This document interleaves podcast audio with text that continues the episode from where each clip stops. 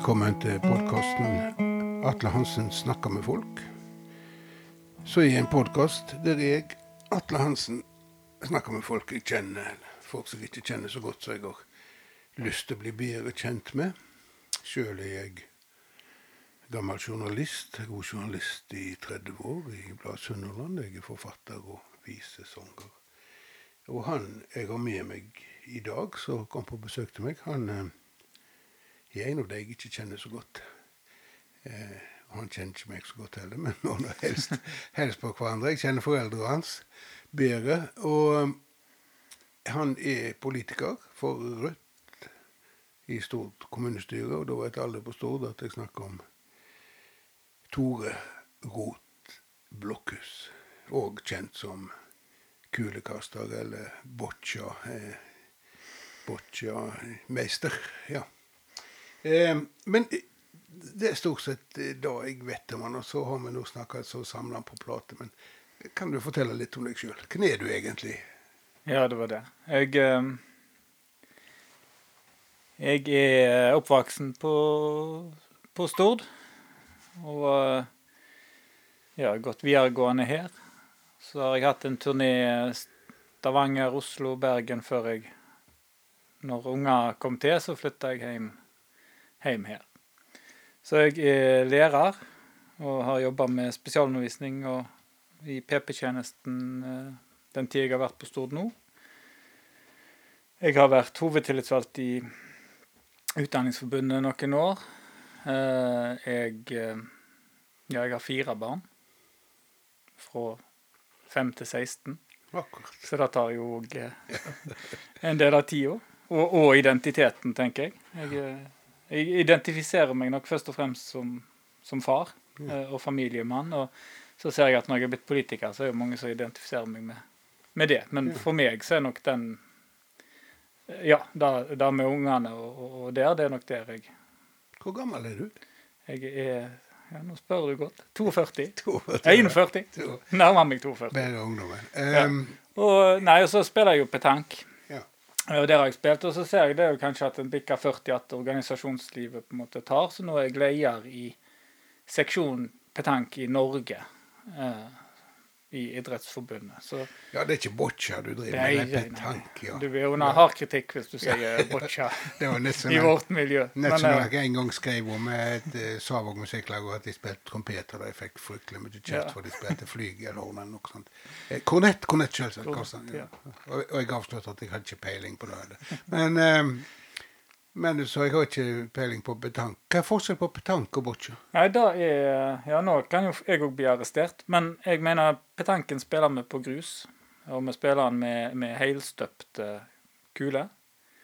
Og så spiller vi på større avstand, altså seks til ti meter. Og vi har et litt annet Vi har et poengsystem som er som i, i curling. Og så vet jeg ikke hva de har i boccia, for det har jeg aldri spilt. Men jeg vet at det er forskjellig. Men det er Ja. iallfall du skal treffe ei kule som ligger i mitt, er nærmest Ja, mulig. ja. Det, det er avansert sånn eh, klinkekule. Ja. Og så er det det, det, det fabelaktige eller det kjekke er vel når, med den gjengen som er blitt, at det er det er det mest varierte miljøet jeg noen gang har, har vært borti. Eh, I forhold til hva forutsetninger han kommer med, og hva ambisjoner han kommer med, og hva bakgrunn han har. Og, og det er vel det som blir litt stort, syns jeg, med den. Ja, jeg har jo Eh, bare, bare kjørt forbi Kulturhuset og sett dere stått der i flokker, og til og med nå i, i denne koronatida, så er det fullt i Har dere ikke koronaregler? Jo, vi har det. Uh, og vi har jo de har, de, Og de henger der godt, men det er nå en idrett som vi klarer å avvikle med avstand. Ja. Og alle har egne kuler, og en slipper liksom å berøre de samme tingene. Eh, men det er jo akkurat det som jeg tenker litt Når vi er på Vicho, at for når du står på avstand, så ser jo alt ganske tett ut. Ja. Eh, men jeg håper jo at hvis en kommer nærme, at en ser at her er det avstand, Ja, og, og vi tar ikke på de samme tingene. Ja. Nei, altså for de som ikke bor på Lervik, så, eller Vicho, så han nå sa, så, som måtte høre på dette, så, så er det sånn petankbane ved sida av Kulturhuset, og der er det jevnt eh, en bråte med først og fremst menn i alle aldre, og de fleste kanskje i litt høyere alder, så, så Ja, jeg, vil, jeg er jo en ungdom der, om jeg nå er blitt 41, så, så jeg har jo vært lur sånn sett. Ja. Jeg har aldri våget meg bort der. Jeg syns det ser jo ganske interessant ut, men eh, det er så mye mannfolk der. Jeg har ikke våget meg bort ennå. Eh, men eh, hva, hva, er, hva er det som utenom miljøet? Hva er det som er- fanger deg med dette? Nei, for meg så var jo Jeg er jo gammel fotballspiller. Å ja. Opp til vi kom til senior. Da flytta jeg til Stavanger og begynte å gå heller på konserter og, og pub og bruktsjappe. og Ja. Fikk meg andre interesser. Men jeg spilte akt, var veldig aktiv og veldig glad i å spille fotball. Eh, Og jeg er veldig interessert i, i fotball. Syns det er kjedelig å se, se på. Ser alle Tottenham sine kamper, ingenting annet. Men jeg er veldig opptatt. Jeg leser og følger veldig godt med. Og så eh, hadde jeg et opphold på noen år med fotball. Og så starta vi et fabelaktig idrettslag i Bergen. Jeg og Lasse Askeland og Nils Henrik Elde. Vi starta da idrettslaget Stillongs i, i Bergen. Så vi begynte å spille sjuendedivisjonsfotball rundt i, i Bergen. Og kom oss opp i sjette divisjon, og vi var en veldig brokete, kjekk gjeng der òg.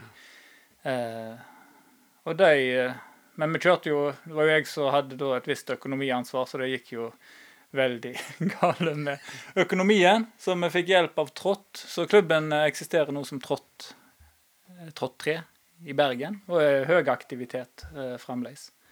Trått tre? Jeg tror det. Ja. Men så, ja, så det er jo litt idretten, gjerne. At, jeg, at da å konkurrere og bryne seg og kjenne litt på den adrenalinet og den at nå må du konsentrere deg, nå må du prestere her, nå må du få Altså utover det sosiale, som jeg kjenner jo jeg sikkert vekter nok veldig høyt, men, men jeg syns det er veldig kjekt å konkurrere. Ja, Trått, da er idrettslaget som holdt Ja, til 100, er- 100 meter ifra barndomshjemmet ditt. Ja, sånn. Ja. Så når jeg var eh, Jeg vet da søren, hvor gammel var jeg? Jeg gikk på barneskolen. Da gikk jeg forbi opp til Hystad skole. Og da lå det langs skoleveien min så lå det ei myr. Eh, og den myra ble da, i løpet av mine år der, gjort om til en grusbane. Sånn s- elver grusbane. Ja. Og der hadde de en, en vegg. Sånn skytevegg sånn som du fikk. Du tegna mål på en skytevegg. Og der gikk jeg opp og skøyt en time før trening og kunne stå en time etter trening og skyte i den veggen. Og det var helt topp. Fotballinteresse er noe du har for faren, da? Eller? Jeg tror ikke det. Jeg tror eh, Jeg prøver av og til å pusle dette sammen, for jeg har en veldig veldig sterk musikkinteresse og veldig interesse for bøker, og, og spesielt science fiction. Og, og dette med science fiction da kan jeg veldig lett spore til min far. Eh, og musikk òg tror jeg kan spore både til min far og onkel, og, og alltid vært mye musikk. Ja. Eh, ja faren, Men de- de faren ønsker spilte bass i Moonspinners. Moonspinners Moonspin. Moonspin, altså Ja. The Group, var det vel et band? Og, Sigve Sofus Blokhus. Ja, han hadde noen kassetter. Og, så han, når jeg var liten, så tror jeg han reiste og spilte. Og, Ja. og da var det bassgitar og gitar og alt i kjellerstua. Mm. Så det var et ønske om at jeg skulle spille, men jeg har ikke liksom ønska å gjøre det som Nei. En har ikke lyst til å gjøre det som folk ønsker at en skal gjøre. Så da tok idretten meg igjen i stedet. Det, mitt, det var viktig å ha noe som var mitt eget. så jeg tror. Men han fulgte meg fantastisk opp. Ja. Så når jeg kjente at nå må jeg eh, Jeg syntes det var vanskelig å heade, og da sto han i hagen og, og skjøt ball, så jeg fikk heada. Heada og heada. Og- Og du har han med deg i petanken. og han er med. Det var han som var inngangen til Petanken, Nettopp.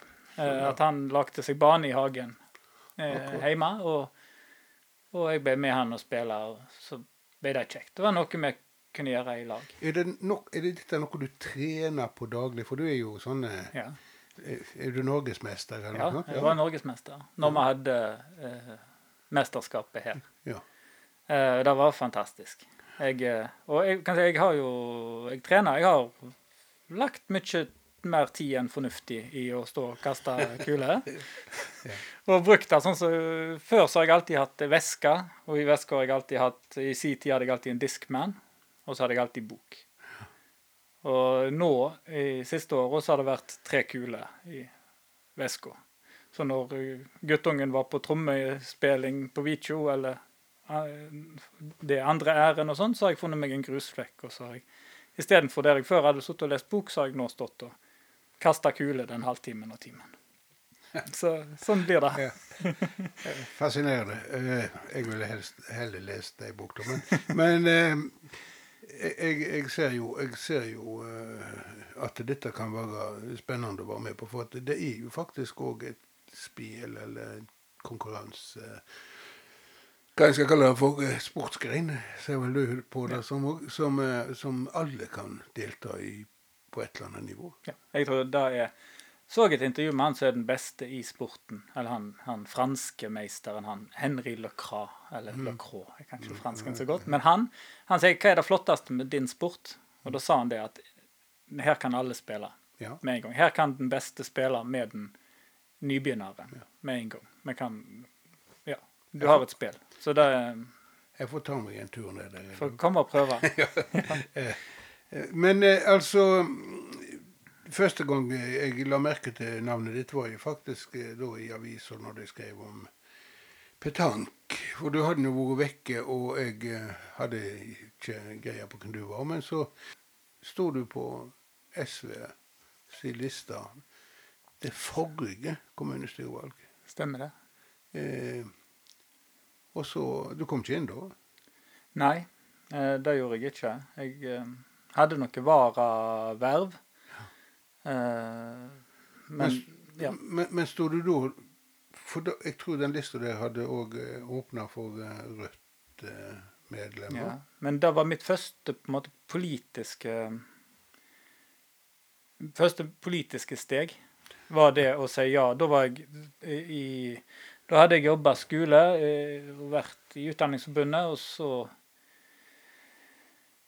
Da snakker en jo mye politikk, og en har mange treff med administrasjon, og en, en får et sånt, sånn innblikk i, i hvordan ting virker. Og da får en en sånn interesse for å, å være med eh, og engasjere seg. Men tidligere så har jeg følt at eh, litt tilbake, Det som blir litt vanskelig for meg, har vært at jeg har følt at politikken er et sånt eh, litt, ut, litt sånn eh, Hva skal jeg si At det der eksist, Når jeg har vært engasjert når jeg var eh, ung og gikk inn i det sånn røde miljø, eh, der jeg søkte naturlig, så følte jeg òg at jeg gikk inn i noe der det lå veldig mange sannheter som det var veldig vanskelig å utfordre. Og den opplevde, jeg opplevde at det var en forventning til at jeg skulle bare være enig. Ja. Ikke Eh, stille spørsmål. Og ikke stille spørsmål, ikke utfordre. Og, og det likte jeg ikke noe særlig. Jeg hadde mine egne sterke meninger, og de Men jeg hadde òg behov for å diskutere og, og, og, og snakke, og ikke liksom at det ble tatt ille opp hvis en var kritisk til, til konsensus. Eh, Så derfor har jeg aldri følt at dette å tilhøre en form for gruppe eller en sånn eh, At det har ligget helt for meg. Eh, Men så ble det det første steget inn mot, med, med SV, og ble nok en grad av tilknytning, men ikke sånn veldig sterk tilknytning. Jeg var på Jeg fikk ikke mm, Ja. Det var, en har mye å bruke tida på, men jeg prøvde å skjøtte det, det Men så, noenlunde. så ved, ved forrige valg da, så sto du som nummer to på Rødts liste og kom inn som nummer én. Så da eh, fikk du med deg hele boccia pe Petank, Eller Ja. Jeg har ikke spurt deg hva de stemte. Der tror jeg det er mye forskjellig. Men, Men, men, eh, ja, det ser sånn ut. Men, men, men hva, er det, hva er det med Rødt som gjør at du har valgt um... jeg har eh, for helt sånn, Og det tror jeg jeg har til felles med mange som er i Rødt, at, at, eh, at en har um, Det er noe grunnleggende i, i, i, der i forhold til krig og antikrig, der Rødt har vært veldig tydelige både i forhold til Libya eh, og i, i ja, spesielt i Libya var de veldig veldig tydelige. Da tror jeg veldig mange merker seg, og jeg eh, òg. Og så er det noe i det helt eh, Så jeg syns er nesten vanskelig ofte å, å snakke om. Men å sette ord på, men det er den der følelsen av at eh, systemet, kapitalismen, eller det er det antikapitalistiske, og den tanken om at det går an å gjøre dette på en annen måte. Det går an å, å få et mer sosialt likt samfunn, et, et mer Jeg tror ikke vi løser noe ting så lenge store deler av verden er i nød. Og jeg tror, vi, og jeg tror det gjelder på alle nivå. Og, og der tror jeg at uh, det er trang for en annen måte å tenke uh, økonomi, og en annen måte å tenke, tenke på. Ja, så, men, men, så hvordan ser da eventuelt ditt idealsamfunn ut? Har du, har, når jeg, når jeg vågner hopper, ja. litt, hopper litt nå, så, ja. så når jeg var ung og kom til Stord, så havna jeg jo i et sånt radikalt miljø så der, eh, eh, Ja, med tilknytning til ML-bevegelsen, mm. den marxistisk-leninistiske bevegelsen. Og det var, det var studiesirkler, og det var strenge formaninger og regler og klare revisjoner om om det sosialistiske, kommunistiske paradis, og det var Mao Zedong, og det var gå på døra og selge Klassekampen og sånt i, i den lille stunden jeg var med, før jeg eh, fant ut at det her hører ikke jeg hjemme. Men er det en sånn Rødt Dette er jo basisen for partiet Rødt, på en måte. Eller det, det er iallfall det de vokser ut av. de til deler. Ja.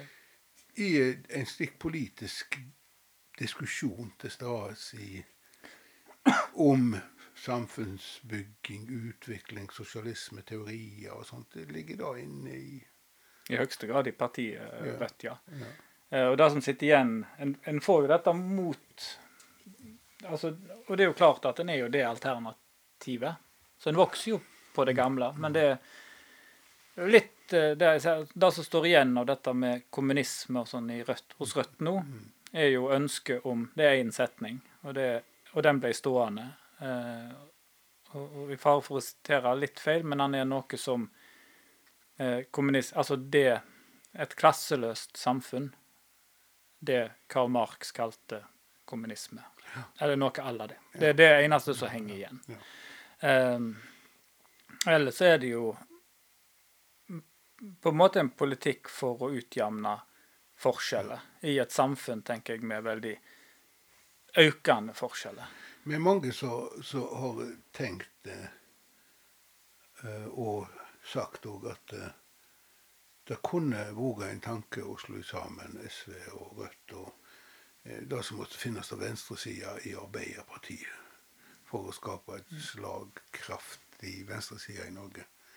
Og ikke sånne oppdelt og, som har i dag. Eh, hvordan stiller du deg til det? Ja, det er ikke noe jeg Akkurat sånne spørsmål syns jeg er, er, er, litt krevende. Jeg tenker at det er viktig at en har et alternativ som er radikalt Ekte radikalt. Som er ekte i, eh, i opposisjon. Eh, eller som står som et radikalt venstrealternativ. Men, mener du da at SV er for etablert? Eller for, jeg mener ikke at SV nær, har vært eh, For nær makta? For nær makta, kanskje. For mange. ja, nettopp. Eh, Samtidig som jeg er egentlig enig, og jeg ønsker veldig godt jeg synes, Sånn som jeg, eh, mine fattige politiske analyser er, så er det jo ei venstreside i Arbeiderpartiet så jeg tenker eh, Jeg tenker Arbeiderpartiet har et veldig sånn bredt eh, nedslagsfelt. Og vi trenger noe sterkt til venstre der som kan påvirke den sida av Arbeiderpartiet. Litt problemet, og det er litt det jeg tenker med politikk, er jo at det er Hvordan klarer vi å jobbe sånn at vi At politikken faktisk blir eh, Skaper resultater for folk, og ikke mest skaper resultater for samarbeid mellom politiske partier, eller skape allianser der. Vi må på en måte få ja, det er dette syns jeg er krevende jeg ser i det politiske landskapet. Det handler jo i stor grad om å finne en sånn strategisk enighet òg. Og posisjonere seg. Og, og da vil jo kanskje et sånt samarbeid ha vært taktisk i forhold til. Men det kan hende vi hadde gått fra en del folk og hvis vi hadde lagd et for generelt venstrealternativ. Jeg vet ikke.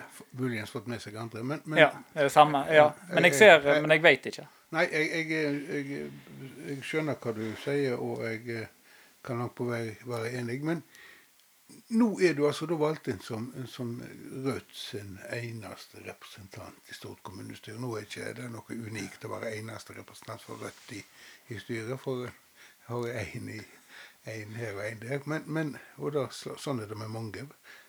Eh, men hvordan er det å være, være jeg og gruppe, sånn sett?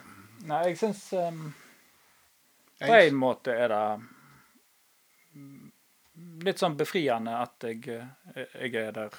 Det er jeg som er der. Ja. eh, men jeg eh, Samtidig så kan en av og til kjenne at når det er mange saker, og det er lange saker, og det er tjukke bunker med papir, at det er òg mye. Jeg kan ikke fordele det. Så da må en prioritere hva en hva er det vi ser i Rødt eh, bør mene og si. Og, Men du har samarbeid med andre? men jeg har jo ei, gruppe Ja. som hjelper meg eh, godt å, å jobbe. Og eh, jeg har jo Og det har vært viktig for meg òg at jeg uansett på en måte hvor en, vi er politisk og så, Og da merker jeg at det er et miljø for det òg, at på tvers av parti, sånn inn mot, mot Hilde og Anna Sofie og inn mot flere i, i Arbeiderpartiet og, og i andre parti, eh, absolutt, så, så har en kontakt, og en snakker, og en orienterer seg. Og, og, og da får en drøfta, og en får høre perspektiv. Og, for det er det som er på en måte å klare å gå til sakene og ta inn de Hva er det dette egentlig betyr? Hva blir konsekvensene? Det er veldig vanskelig. Um, og Spesielt dette da hvis jeg sitter alene i møte, og så kommer det forslag som en ikke er forberedt på. Så kan jeg jo kjenne Da blir det litt svett. Og da, da kjenner jeg jo at de som har stemt på Rødt, og de som er i Rødt-gruppe, da Da må jeg velge rett i forhold til dem. Og så sitter en litt isolert, eh, alene kanskje da. Og da kjenner jeg jo på litt ansvaret. Klarer jeg å vurdere dette rett i forhold til, til de som jeg representerer? da? Ja, for Ja. Det, det, det er på en måte så representerer du dine velgere. Ja, jeg gjør det. Men samtidig så representerer du deg sjøl og dine standpunkt. Ja. Altså det, det er en sånn konflikt en, en kan komme i. Men eh, jeg har bare vært i kommunestyret et par ganger da, som, som eh, var. Varamann. og eh, jeg må si at jeg, jeg, jeg eh, føler stor, stor respekt og age for å være der også. eh, En, en stor personnervøsitet for å ta ordet. For det imponerer meg, imponerte meg når jeg kom på det første møtet, var hvor flinke de var å snakke for seg, disse folka. Altså, de snakket ganske Sjøl folk jeg var grunnleggende uenig med, formulerte seg på en måte så jeg nesten kunne bli enig med. Ble så imponert som jeg sa. Og, og, og, og, og da eh, da tenker jeg at ja, jeg har jo vært med og diskutert en sak på forhånd, og så skal jeg si noe, og så, så er det noe helt annet som kommer ut av munnen min, for jeg får ikke til å snakke. Og så. Har du en sånn opplevelse? Jeg er, jeg er nok jeg, jeg er som du. Jeg er veldig imponert over hvor taleføre folk er.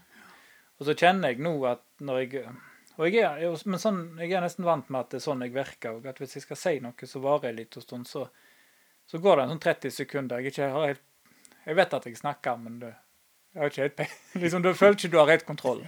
Og så kom en i steget, Ja. og, og så går det greit. og et, så begynte jeg jo å bli varm i, litt sånn varm i trøya på disse fysiske møtene. Og så har vi jo sittet på Teams eh, lenge nå. Og da, da kjenner jeg jo blir en veldig rar situasjon. For da sitter jeg hjemme i min egen kjellerstua med, med PC-en og, og kikker i skjermen i timevis. Og, og da blir ikke det samme, for jeg tror det er noe å kjenne, kjenne på rommet. Du kan ikke snakke med noen på gangen i pausen her. Nei. Og du kan ikke kjenne på, på rommet hvordan er stemningen i forhold til saken. Kan du gjøre dette Og når du snakker, så kan du heller ikke kjenne hvordan dette eh, resonnerer i rommet. Sant? Så, Så ikke ansiktet deres heller. nei. så det syns jeg er vanskelig, og jeg gleder meg til det blir mer fysisk. Og jeg tror det er jeg tror det er best for sakene òg at de blir snakka av folk som er, er, sammen og snakker om det. Mm. Jeg synes, uh, du, du, har vært spesielt opptatt, eh, slik jeg har sett, av eh, Skal vi si Personer som er, har falt litt utenom, eller svak, såkalt svake grupper. Ja. Funksjonssvake, for å si det sånn. Jeg sier det er ofte selv svake grupper, men jeg, jeg får, blir av og til korrigert på det. Og så er det liksom den å lete etter de rette ja. ordet på det. Men ja, jeg, jeg, tenker Og det er litt av det som har engasjert meg, og kanskje gjort at jeg blir engasjert. At jeg, jeg føler, føler, kanskje at uh, at mange grupper ikke er, er så synlige uh, i debatten. Uh, Hilde og SV har jo stått på fantastisk for de utviklingshemma uh, lokalt. Og jeg, jeg ønsker òg, når jeg har engasjert meg veldig, å kunne støtte opp under den, det engasjementet. Og det har vært, vært uh, veldig viktig for meg. og det har jeg jobba med i Det er ei gruppe jeg har jobba med i mange år. Og, og der kan du si i et ja, det, det, er veldig viktig. Det kan vi snakke, komme litt tilbake til når du snakket om et sånt idealsamfunn. Ja. Eh, og eh, de som av ulike grunner har fallet utenfor samfunnet, ikke klarer å oppfylle samfunnet sine krav eller forventninger, og som er uføre, har økonomiske vanskeligheter, har, har psykiske vansker eller har vansker med rus og, og annet. At, det, at det, jeg, jeg, tenker at det, om ikke det er vår jobb, om ikke det er det offentlige og oss som politikere sin jobb å, forstå hvordan de har det, og, og, og, prøve etter beste evne å finne de løsningene vi kan for hvordan kan vi bedre deres situasjon når vi får informasjon og vi ser at det blir vanskeligere og vanskeligere og trangere og trangere kår. Og der blir ei sterk venstreside. Der blir eh, Rødt og, og andre SV venstresida i Ap, så sier eh, andre partier som engasjerer seg i den forskjellskampen. Eh, av det siste da er jo det som du og Susan ja. eh, Abdallah ja. Eh, eh, har stått fram med dette med, med, med fattige unge, ja. fattige familier og barnetrygd og sosial eh. Og det, det syns jeg. Og jeg tror at når, og det er det er det som er, den, Sånn er det. Sånn er det i mange mange kommuner, at de fattigste innbyggere, altså ikke fattigste innbyggerne, men familiene med dårligst råd, er rett å si. De, når de skal søke sin sosialstønad, så blir barnetrygda regna som, som inntekt. Som betyr at i praksis så mister de den eh, da. Eh, og det tenker jeg det blir eh, feil på så mange måter. Eh, og det, det, er noe jeg tror veldig mange ikke er klar over. Og det å da få fokus på det, at vi får snakket om det, og, og at parti og innbyggere får ta stilling til hva syns vi om dette. Eh, og jeg tenker at hvis folk setter seg inn i det og ser på det, så tror jeg vi alle må være enige om. Jeg kan, jeg kan ikke forstå logikken i å holde fram nå var jo dette oppe som sak ved, ja. ved, ved når en behandla budsjettet. Ja.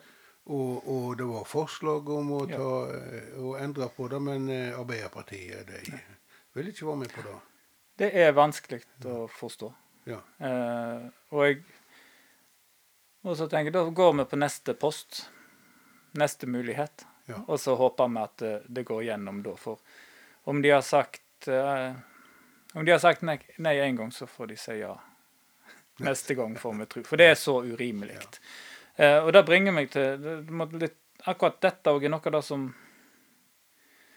Som jeg ser nå Nå så jeg nettopp noe som ble delt på Facebook, sånn um, Der det er et bilde av her, utenriksministeren til Høyre, og så står det vi gir Nå skal vi gi 6,3 milliarder i humanitær bistand.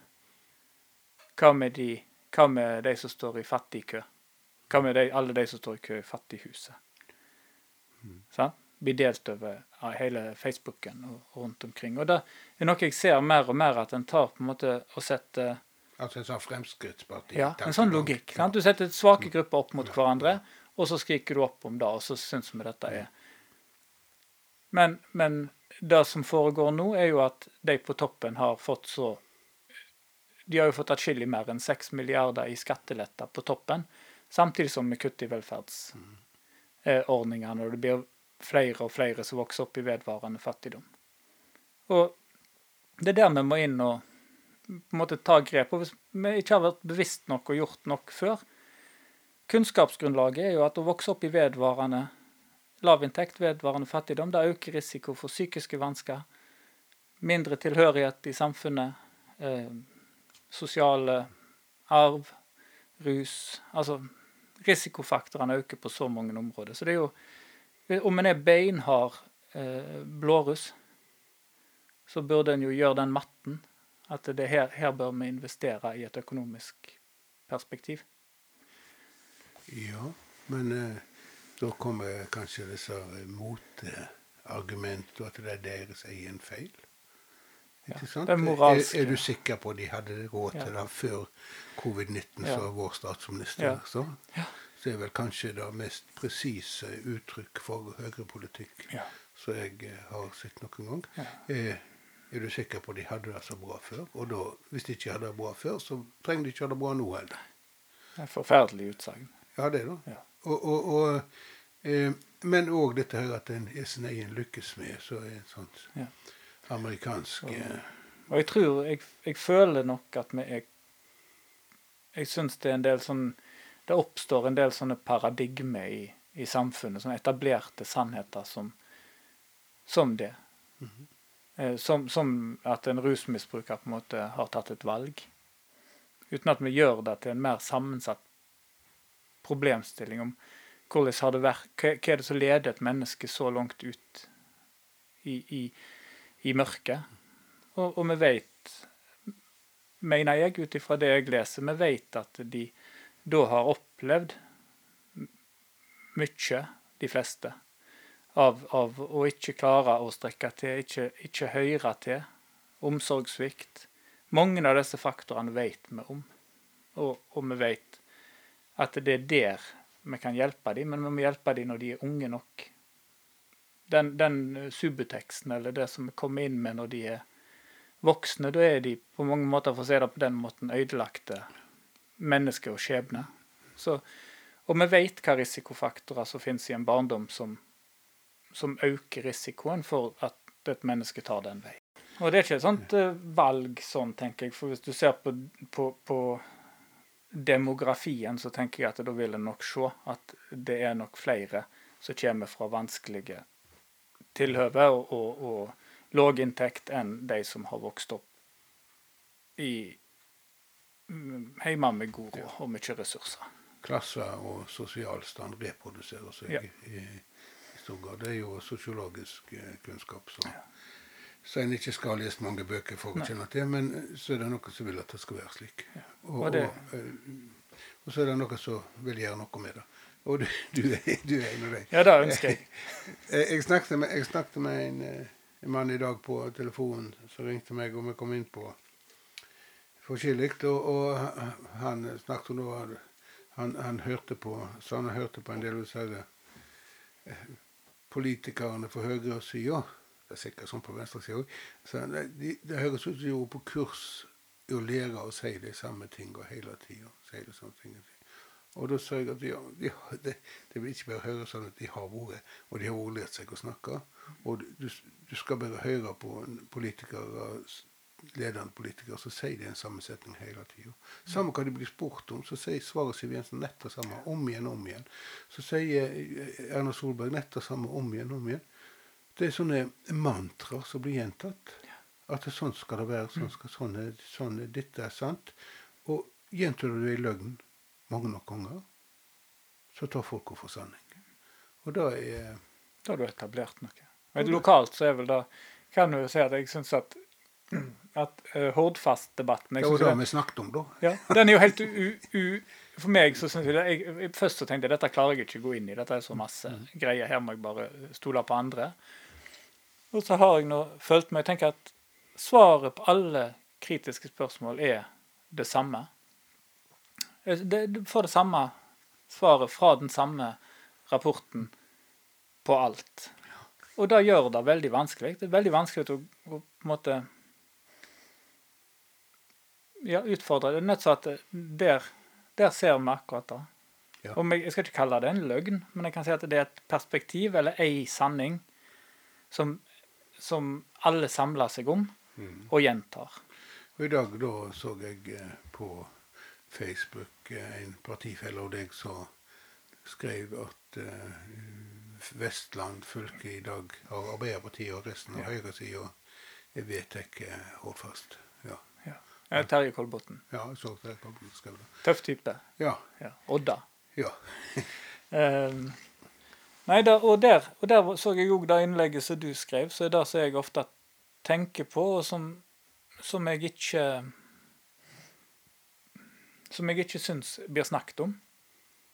For jeg tenker det er veldig flott. Jeg tenker at når vi står i fare for at de skal legge ned, om det er tinghus eller fødeavdeling eller funksjoner ved høgskole, da samler vi oss jo.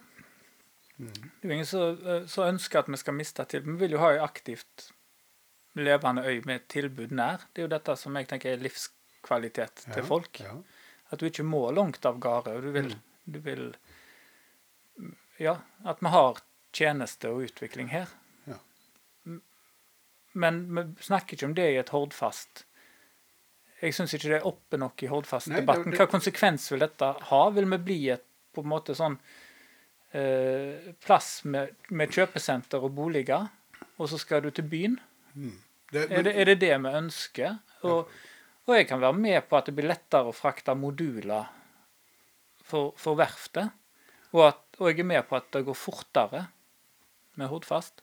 Men det ligger jo en hel, hel masse andre ting her som, som har store konsekvenser for vårt samfunn, som jeg syns kanskje vi ikke snakker så mye om. Nei, for det kan ikke snakkes om. For det en snakker om, Grunnen til at en vil ha full fart til Bergen, er at direktører og slike, og eh, politikere fra Frp som skal på fylkestingsmøte, skal slippe å stå i ferjekø. Det er jo da hele så argumentet.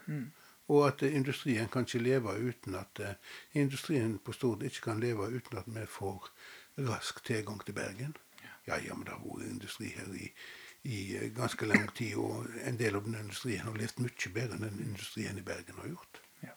Der de fleste bedrifter har gått, så, så drev innenfor dette har gått nedenom og hjem. Så, så, så men, men det er jo en av disse sånne ting som en ikke kan snakke om, for at eh, en kan ikke snakke om de faktiske, virkelige tingene, for da er det så mye stygt som kommer fram. Men, Det, nå, eh, du sammenligna òg med trekanten. Og jeg tenker da, da, Jeg vet ikke hva år trekanten kom, men jeg var for ung til å være noe det var, det var ved tusenårsskiftet. Ja. Ja.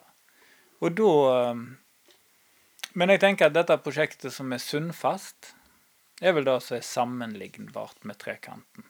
Der vi knytter regionen sammen den veien, og vi kan få øke eh, måte eh, aktivitet i vår region. ja. Og det trenger vi. Mens, mens eh, Hordfast er jo en motorvei å komme seg ut, og som vil svekke våre tilbud. Ja, det Etter, er, etter sånn som jeg ser det. Og jeg, jeg påberoper meg ikke noe at jeg skal vite best, men det er nå i så fall min analyse at det er en stor risiko for det. At våre tilbud og tjenester blir svekka. og at våre synspunkt på dette er like relevante som Høyre synet. Ja. Høyre Arbeiderpartiet. eh, Så i slike saker er samme parti. Ja. Så er det jo sånn, litt sånn rart der, uten at jeg har forståelse av at Men Stord kommune har jo vedtatt å være en del av et lobbyselskap. Og Dag er jo- litt sånn som jeg av og til tenker på, er det Ja, er det Kommunens oppgave. Ja, er det det? Ja. Men eh, jeg vet ikke, jeg er urøyd. Men eh, idealsamfunnet Ja, det var det. Ja, og, Ja. og de som var utenfor. Ja. Ja, eh, og det er jo og, og for mitt på en måte idealsamfunn. For jeg er jo, som jeg ofte tenker, jeg vil jo at folk skal få gjøre som de ønsker. Eh, I stor grad. Jeg er jo relativt liberal på individet. ja. Eh, så, men så vekter jeg jo det off, vårt måte, kollektive ansvaret, offentlige sitt ansvar, større enn det. Så da blir jeg ikke en sånn liberalist eh, sånn. Men vi har en del eh, som ligger i samfunnet som går på eh, på en måte parameter som at du skal produsere. Du, du, vi skal på en måte ha en grad av um, nytte for det vi gjør. Og, det er jo naturlig. Men det føres jo til en sånn Du skal jobbe, kunne jobbe så og så mange timer. Du skal eh, I skolen så skal du prestere så og så bra før du presterer unna. Og da må det på en måte tiltak inn for at du skal kunne, at vi skal kompensere for det, eller og, og, du kan si at Et idealsamfunn for meg hadde nok handla mer om at den enkelte skulle ha hadde menings, Om du var utviklingshemma, så skulle du kunne ha et meningsfullt liv med et meningsfullt arbeid for deg. Og at vi, vi hadde et samfunn som, som ga flere muligheter for større variasjon, som gjorde at færre faller utenfor den ramma vi lager, både i, i skole og i, i, arbeidsliv. Gi etter evne, få etter behov. Ja, ja. Om det går på hvor mange timer du klarer å jobbe, eller hva du Og spesielt for de utviklingshemmede, tenker jeg, der, der kunne vi jo Da å gi de, de kan Ja, å gi de meningsfullt og kjekt arbeid som øker livskvalitet. Og dette er jo der har vi jo en forferdelig historie, hva de har blitt satt til av både av arbeid og aktiviteter. For, ja, og institusjoner. Vi er vel kanskje da, et land eller kanskje da som kommet lengst i Men vi er kommet langt, ja. Ja. ja. Og, og, og, nå hører jeg at uh, noen som sier at uh, sosialisten Blokhus uh, snakker om dette. Det er jo akkurat i det sosialistiske samfunnet at slike grupper har blitt behandla dårligst, kanskje. Ja. Eh, og at det er det minst rom for individualitet og personlig frihet. Ja. Eh, hva svarer du på da? Ja, Det kan jo være et uh, eh, forenkla poeng, uh, tenker jeg. Spesielt i den retorikken en ofte møter når en står som, som sosialist, eller står helt til venstre, så blir en jo gjerne møtt med hva på en måte et et forvrengt på en måte lederskap har, har skapt. Mm. Men jeg tenker der at da Hvis jeg snakker om mitt eh, idealsamfunn, så tenker jeg at når jeg søker til Rødt i mitt politiske engasjement, så er jo det fordi jeg ser at for meg er det det partiet som er tydeligst på å utligne sosiale forskjeller og gi muligheter for flere. Og så tenker jeg at i forhold til de kommunistiske og, og prosjektene og det som har vært som ikke har fungert, så ikke det noe jeg forsvarer på noe vis, eller føler noen grunn til å forsvare. Det er historien som har skjedd. Og jeg tror òg at når vi i ei framtid skal skrive historien til den kapitalistiske perioden vi er inne i nå, og en ser på hva forsvarsbudsjett vi har, og hva krigsøkonomi som er rundt omkring, og hva vi har utsatt både verden for av, av sult og lidelse når vi har hatt midler til det motsatte. Det motsatte. Og når vi hiver på mat, og vi, gjør, vi har det så privilegert. Og i vår tid, eh, nett akkurat nå, så lar vi de eh, drukne i Middelhavet uten at vi rykker til så tenker jeg at jeg tror ikke at på en måte du kan si at de Det er mye å kritisere de gamle kommunistiske samfunnene for, men det er mye å kritisere vårt samfunn for i dag òg. Så når historien skrives i framtida, så tror jeg at det da Ja. Jeg hører på deg nå som uh, gammel mann, som jeg er, i forhold til deg. Og, og så, så uh, hadde en radikal ungdom. Jeg tror jeg har hatt et radikalt liv i hele tatt. Men, men så, så, så er mye av det du da Det er slags, en slags repetisjon av det jeg hørte sagt om jeg sjøl sa på 70-tallet. Og, og, det virker som ingenting går framover. Hvis det blir noe i forhold til vår synspunkt og våre ståsteder, så blir ting bare verre og verre. Eh, syns iallfall jeg. Det, det, er mye som har blitt eh, Du kan si at vi har fått mange friheter. Vi, har, vi, har fått, eh, vi kan gå på video og drikke øl. f.eks. Ja. Det er jo sånne friheter høyresida og, og mange kommer med. Vi kan, vi kan eh, reise til Syden, og vi kan eh, gjøre alt mulig sånne ting. Stå på skateboard. Ja. og, og sånne ting. Ja. Man har fått en masse friheter, eh, blir det sagt. Eh, men så har vi fått en masse elendighet og en masse Det er helt ja. Han her, hva heter det?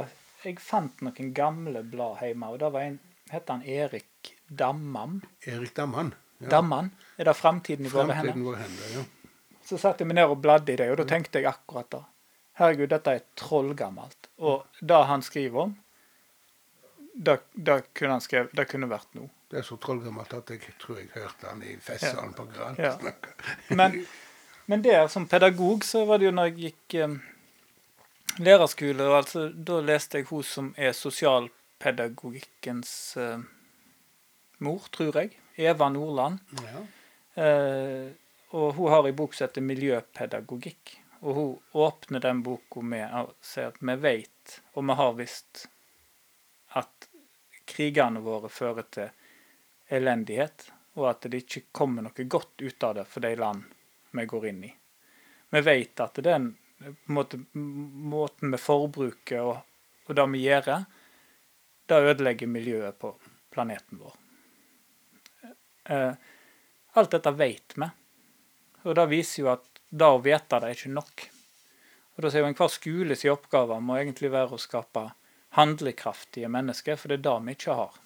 Vi har ikke handlekraft til å handle på kunnskapen.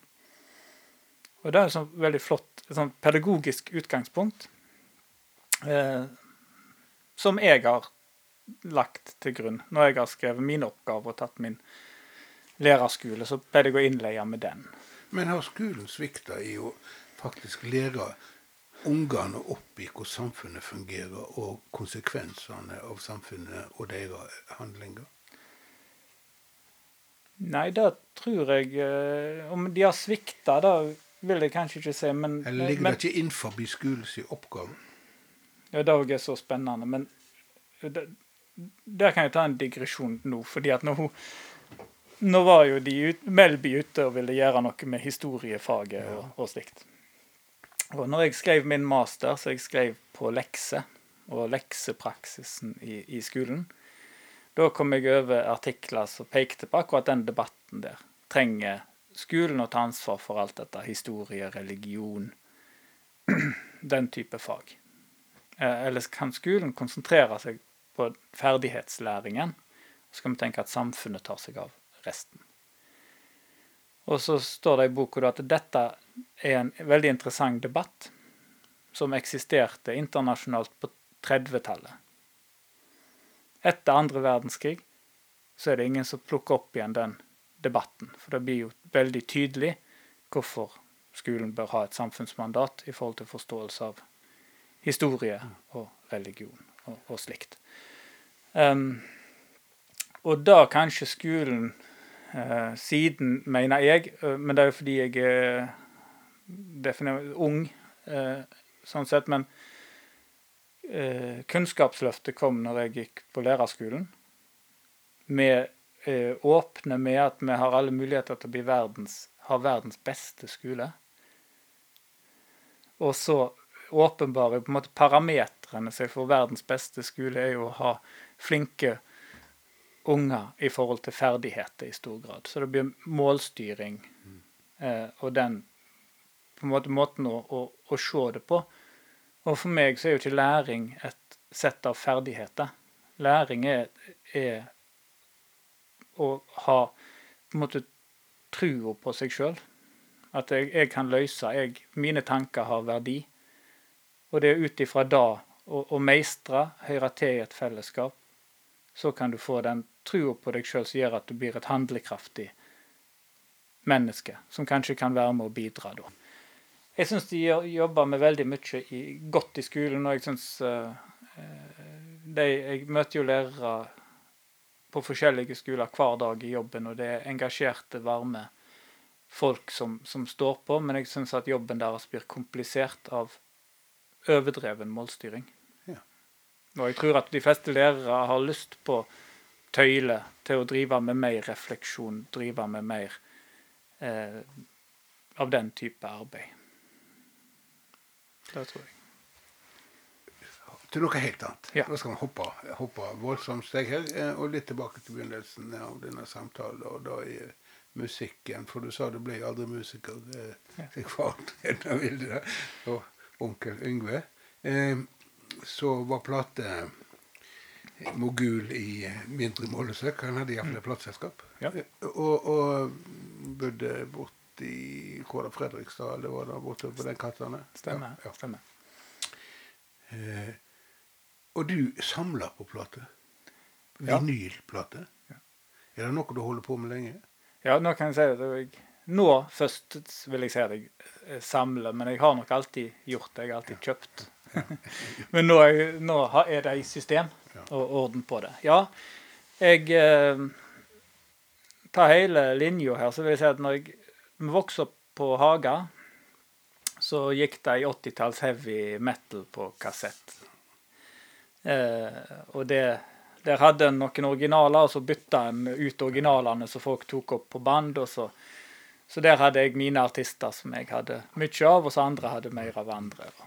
Og, og da Og så ble jeg veldig, veldig opptatt både av coverene, av tekstene. Jeg leste alt. Jeg leste alle de der credits, det der takk, takk, hvem de takka. Alt. Jeg leste alt som var i et, i et igjen. cover. Og, men jeg hadde ikke så mange andre som var så opptatt av det som meg. Uh, Så når jeg ble litt eldre, så Da hadde han Magnar Nylund, da hadde han Platon Ja, i, i ja. Og da gikk jeg på Platon uh, etter skolen, og sånn, og så fant jeg de tøffeste covera. Og så satte jeg meg hos Magna og så hørte jeg på, på, på den musikken som hadde de tøffeste covera. Og da kom jeg over den første plata til Rage Against the Machine, som har et cover med en munk, en vietnamesisk buddhistmunk som har satt fyr på seg sjøl. Og det er coveret, og dette, dette er tøft. Og så hører jeg musikken og blir Det var det største jeg eh, sånn hadde opplevd av, av kultur, kan du si. Og jeg hørte på, hørte på, hørte på, hørte på. Og når jeg var 15, så fikk jeg da lov av mine foreldre å reise til onkel Yngve i Oslo. Hadde med meg Jan Morten Haukefjær, som jo har eh, vært fotballspiller for det jo lenge. Eh, jeg og Jan Morten vi reiste til Oslo og var 15 år gamle. Jeg hadde vært på Sigvart Aksland og Vazelina Bilopphøggers konsert. Og så fikk jeg gå på Sentrum Scene i Oslo og se eh, Rage Against the Machine. Oi, oi. Og da, da, for meg var det et sånt øyeblikk som forandra mye, og der musikkinteressen da på en måte satt veldig fart. Og der får du en kombinasjon av musikk og politikk òg? Ja, kanskje. Ja, jeg vil ikke For jeg analys- disse tekstene, jeg skjønte jo koblingene og, og mer og mer der òg etter hvert. Og så neste øyeblikk i musikkinteressen, det er vel når jeg får tak i noen plater fra min far.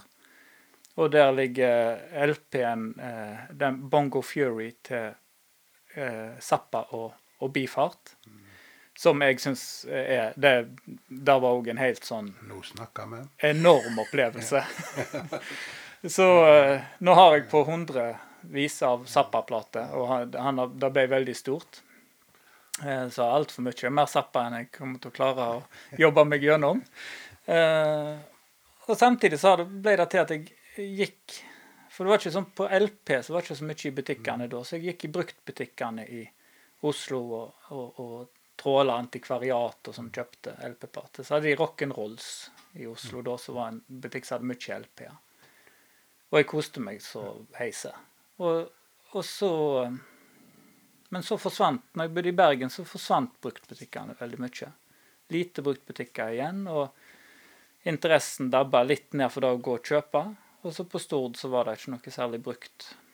Så for noen år siden så plukka jeg det opp igjen via Finn og Ja. gikk digitalt. og Litt tungt, men nå syns jeg det er veldig, veldig kjekt. Men jeg savner bruktbutikkene. jeg gjør det. Ja.